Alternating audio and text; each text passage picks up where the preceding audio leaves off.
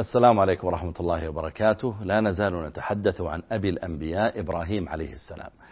إبراهيم عليه السلام كان له عدد من الصفات اتخذه الله تعالى بها خليلا. من ذلك حرصه وتعظيمه للصلاة. إبراهيم دعا الله تعالى فقال رب اجعلني مقيم الصلاة ومن ذريتي ربنا وتقبل دعاء. ولما وضع زوجه هاجر وابنه إسماعيل بواد غير ذي زرع عند مكة قال داعيا ربنا إني أسكنت من ذريتي بواد غير ذي زرع عند بيتك المحرم ربنا ليقيموا الصلاة فاجعل أفئدة من الناس تهوي إليهم إلى آخر الآيات. ولذلك لما ذكر الله تعالى ذرية إبراهيم ذكر الصلاة. فقال الله تعالى عن إسماعيل عليه السلام واذكر في الكتاب إسماعيل إنه كان صادق الوعد وكان رسولا نبيا وكان يأمر أهله بالصلاة والزكاة وكان عند ربه مرضيا. فدل ذلك على أن حرصه عليه الصلاة, عليه الصلاة والسلام على الصلاة جعل له مكانة عند رب العالمين. وبالتالي يستجيب الله تعالى دعاءه ويكشف عنه بلاءه وينجيه من النار ولما قال رب أرني كيف تحيي الموت استجاب الله تعالى له واتخذ الله إبراهيم خليلا وجعل الله تعالى له مكانة وعظم شأنه حتى بين الناس إلى يومنا هذا. والأنبياء عموما عرفوا قدر هذه الصلاة. فما ذكر الله تعالى نبيا إلا وذكر معه الصلاة في كثير من الأحيان. قال الله تعالى عن عيسى عليه السلام. وأوصاني بالصلاة والزكاة ما دمت حيا. وقال الله تعالى عن موسى عليه السلام وعن هارون أن تبوأ وأوحينا إلى موسى وأخيه أن تبوأ لقومكما بمصر بيوتا واجعلوا بيوتكم قبلة وأقيموا الصلاة. هذا لموسى وهارون. وقال الله تعالى عن زكريا فنادته الملائكة وهو قائم يصلي في المحراب. أن الله يبشرك. وقال الله تعالى عن نبينا محمد عليه الصلاة والسلام وأمر أهلك بالصلاة واصطبر عليها. وقال الله تعالى عن إبراهيم رب اجعلني مقيم الصلاة. وقال عن إسماعيل وكان يأمر أهله بالصلاة والزكاة. إلى غير ذلك من الأنبياء ممن عظم الله تعالى حالهم لأنهم كانوا مقيمين ومعظمين لهذه الصلاة. والصلاة شرعت عند جميع هؤلاء الأنبياء.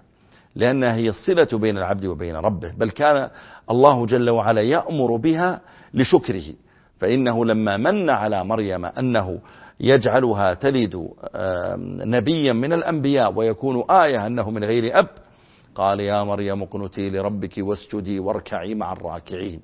يعني اشكر الله تعالى بكثرة الصلاة والركوع لأن الله تعالى أنعم عليك وخلد لك هذا الذكر الحسن. والصلاة هي العبادة الوحيدة التي فرضت في السماء وفرضت من غير واسطة. فإن العبادات ينزل جبريل إلى نبينا محمد عليه الصلاة والسلام فيخبره أن الله فرض عليه الزكاة أو فرض عليه الحج أو فرض عليه الصوم. أما الصلاة فقد نزل جبريل وعرج بالنبي صلى الله عليه وآله وسلم إلى السماء حتى وصل إلى السماء السابعة ثم فرض الله تعالى عليه الصلاة. فكانت خمسين صلاة ثم خففت إلى خمس صلوات. وقال الله تعالى في الحديث قال هي خمس وهي خمسون. قد أمضيت فريضتي وخففت عن عبادي. فهي خمس صلوات بالفعل وهي خمسون بالثواب والأجر عند رب العالمين. فهي خمس فإذا صليت الفجر فهي واحدة بالفعل صلاة واحدة لكن كأنما صليت عشر صلوات فجر. وإذا صليت الظهر فهي صلاة واحدة لكن كأنما صليت عشر صلوات ظهر إلى غير ذلك في العصر والمغرب والعشاء. ولذلك تعظيم الإنسان وحرصه عليها صلاتك للفجر في المسجد كأنك صليتها عشر مرات في المسجد فلا تفوت ذلك. صلاتك للظهر في المسجد كأنك صليتها عشر مرات فلا تفوتن ذلك. صلاتك العصر والمغرب والعشاء كذلك. فلذلك عظم الله تعالى شأنها. وهي أول ما يسأل عنه العبد يوم القيامة. أول ما يسأل عنه العبد من عمله يوم القيامة الصلاة. فإن صلحت نظر في باقي عمله. وإن لم تصلح لم ينظر في باقي عمله. والصلاة هي أول ما يؤمر به الصغير من شعائر الدين. فالصغير إذا وصل عمره إلى سبع سنوات لم نقل له زكي أو صم أو حج أو, آه، أو اعتمر وإنما نقول له صلي. أول أمر يوجه إليه عندما يبدأ يميز ويعقل ويعرف العبادات الصلاة. وأول عبادة تعلم له الصلاة وذلك لأنها لها عظمتها ولها مكانتها وهي التي يسأل العبد يسأل الرب جل وعلا عبده عنها يوم القيامة. بل الصلاة هي التي يفرج الله الصلاة والسجود هي التي يفرج الله تعالى بها الكرب يوم القيامة. فإن الناس إذا اجتمعوا يوم القيامة وطال عليهم الوقوف وشق عليهم ذلك قالوا ألا تنظرون ما أنتم فيه؟ ألا تنظرون ما قد بلغكم؟ التمسوا من يشفع لكم إلى ربكم. يعني ليبدأ ربنا جل وعلا فصل القضاء بين عباده. فيقولون ائتوا نوحا. فيأتون إلى نوح فيعتذر. ثم ائتوا إبراهيم. يأتون إبراهيم فيعتذر. ائتوا موسى. ائتوا ويعدون عددا من الأنبياء. يأتي الناس إليهم يقولون اشفع لنا إلى ربك. ألا ترى ما نحن فيه؟ ألا ترى ما قد بلغنا؟ فيقول النبي الذي يقول يطلبون منه ذلك موسى وعيسى وإبراهيم وغيرهم يقول إن ربي قد غضب اليوم غضبا لم يغضب قبله مثله ولن يغضب بعده مثله. اذهبوا إلى غيري. اذهبوا إلى نوح اذهبوا إلى إبراهيم اذهبوا إلى موسى حتى يأتون إلى رسولنا عليه الصلاة والسلام. فيقوم صلى الله عليه وسلم ويسجد تحت العرش.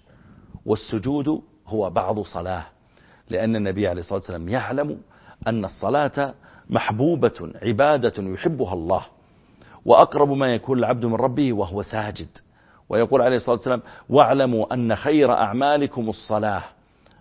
ويقول الصلاة خير موضوع يعني خير ما وضع في الأوقات خير من شغل به العبد فيسجد بين يدي الله تعالى ويحمد الله بمحامد يفتحها الله تعالى عليه ثم يقول الله تعالى ارفع رأسك وسل تعطى واشفع تشفع إلى آخر الحديث. فالمقصود أن إبراهيم عليه السلام لما دعا رب اجعلني مقيم الصلاة ومن ذريتي يعلم أن هذه العبادة بالذات هي معظمة عند رب العالمين.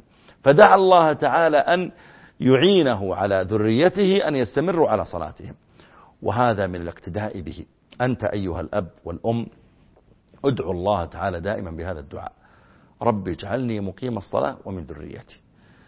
الأصل أنك مسؤول عن أولادك وأنت مسؤولة أيضا وأن توقظوهم للصلاة وأن تحرصوهم عليها وأن تعلموهم إياها وأن تنهوهم عن تركها وأن تحاسبوهم إذا تركوها. لكن ادعو الله تعالى دائما رب اجعلني مقيم الصلاة ومن ذريتي. يا رب لا أفوت الصلاة يا رب العالمين حتى يعظم الله تعالى لك الأجر بذلك. أسأل الله تعالى أن يجعلنا وإياكم من أتباع الأنبياء وأن يشرح صدورنا ويسر أمورنا ويغفر لنا ولكم. صلى الله على نبينا محمد والسلام عليكم ورحمة الله وبركاته.